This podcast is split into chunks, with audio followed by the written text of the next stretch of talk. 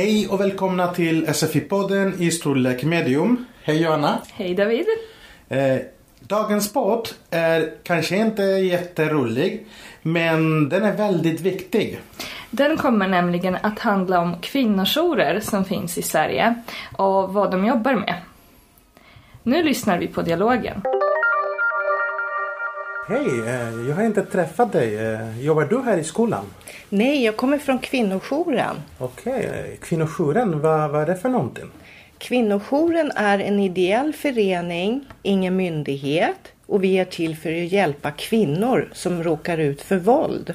Okej, men det är inte en myndighet? Okej. Nej, det är en ideell förening men vi arbetar utifrån den svenska lagen, våra skyldigheter och rättigheter. Och d- är det, är det för att hjälpa kvinnor? eh, På Det- vilket sätt? Det är för att hjälpa kvinnor att de får råd och stöd när de blir misshandlade. Fysiskt, psykiskt eller sexuellt misshandlade. Om Och vi de- kan vägleda dem då. Bra, jag förstår. Hur ska man kontakta er då? Då kan man ringa oss och telefonnumret finns i telefonböcker på internet. Det är ett offentligt nummer. Man kan även mejla oss och skriva frågan. Man kan boka upp ett besök och komma dit och prata om man vill. Man har rätt att få vara anonym.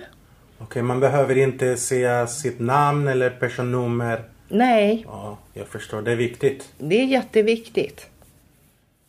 Det finns eh, kvinnojourer i nästan alla kommuner i hela landet och man får söka sig till en kvinnojour uppe i Norrland om man vill ringa och prata eller nere i Skåne. Man behöver inte söka sig till samma kommun, kvinnojour som ligger i sin egna kommun. Okej, om man bor i södra Sverige då kan man ringa Till Norrland. kvinnojouren i, i Norrland till exempel. Ja, Okej, eh, ja.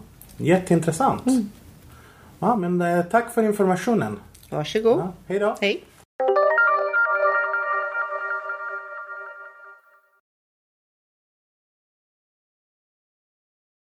Så Anneli från Kvinnojouren eh, här i Haninge berättade om eh, sitt arbete som är jätteviktigt. Eh, Kvinnojouren är alltså mm, ingen myndighet eh, som eh, till exempel Skatteverket eller Försäkringskassan, eller hur? Nej, det är en ideell organisation som hjälper kvinnor. Ideell betyder alltså att de inte tar betalt för den hjälp och stöd de kan ge. Och alla kan kontakta dem och det är gratis. Mhm. Som Anneli sa, eh, man kan kontakta en kvinnojour i sin egen kommun eller var som helst i landet för att prata om sina problem om man blir misshandlad. eh, Oftast i en relation hemma till exempel. Mm. Och det finns olika sorters våld eller misshandel som Anneli nämnde. Fysiskt, sexuellt och psykiskt. Så det behöver inte betyda att en kvinna blir slagen av en man. Ehm, om någon ofta säger saker som får dig att må dåligt, då är det psykiskt våld. Om någon tvingar dig att ha sex när du inte vill, eller på ett sätt som du inte vill, då är det sexuellt våld. Ja, och har man sådana problem då ska man vända sig till en kvinnojour för att få råd och stöd. För att prata om just din situation och vad du kan göra. Precis. Anneli pratar om sitt jobb med olika kvinnor och inte om någon specifik kvinna. Därför använder hon ofta pronomenet man. Mm. Man, som vi har markerat tjockt i dialogen, är ett pronomen som är opersonligt. Eh, Och det betyder att man inte menar någon specifik person. Utan allmänheten eller till och med hela samhället. Mm, till exempel, man får inte röka här. Det betyder inte att just du inte får röka här, utan ingen får röka här. Eller, man ska betala räkningar i tid. Alla måste betala sina räkningar i tid. Man kan ringa det här numret, till exempel för att kontakta kvinnojouren. Eh, Alla kan ringa det här numret. Eller, man dricker mycket kaffe i Sverige. Eh, Många människor Många i dricker. samhället. Precis. Mm. Och man är eh, subjektspronomen. Det finns andra former också. Det finns man, en, ens, sin, sitt, sina. Det vill säga det finns subjektspronomen, objektspronomen, possessiva pronomen. Och eh, om du vill eh, veta hur man använder rätt form då kan du kolla på pdfen där vi har skrivit lite information. Nu lyssnar vi på dialogen en gång till. Hej, eh, jag har inte träffat dig. Eh, Jobbar du här i skolan? Nej, jag kommer från kvinnojouren. Okej, eh, kvinnojouren, vad, vad är det för någonting? Kvinnojouren är en ideell förening, ingen myndighet och vi är till för att hjälpa kvinnor som råkar ut för våld.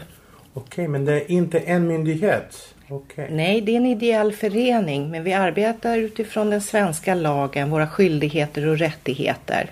Och d- är det, är det för att hjälpa kvinnor? eh, På Det- vilket sätt? Det är för att hjälpa kvinnor att de får råd och stöd när de blir misshandlade. Fysiskt, psykiskt eller sexuellt misshandlade. Om Och vi de- kan vägleda dem då. Bra, jag förstår. Hur ska man kontakta er då?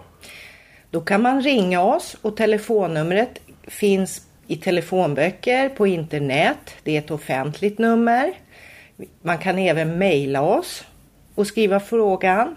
Man kan boka upp ett besök och komma dit och prata om man vill. Man har rätt att få vara anonym. Okej, man behöver inte säga sitt namn eller personnummer. Nej, Ja, jag förstår. Det är viktigt. det är jätteviktigt.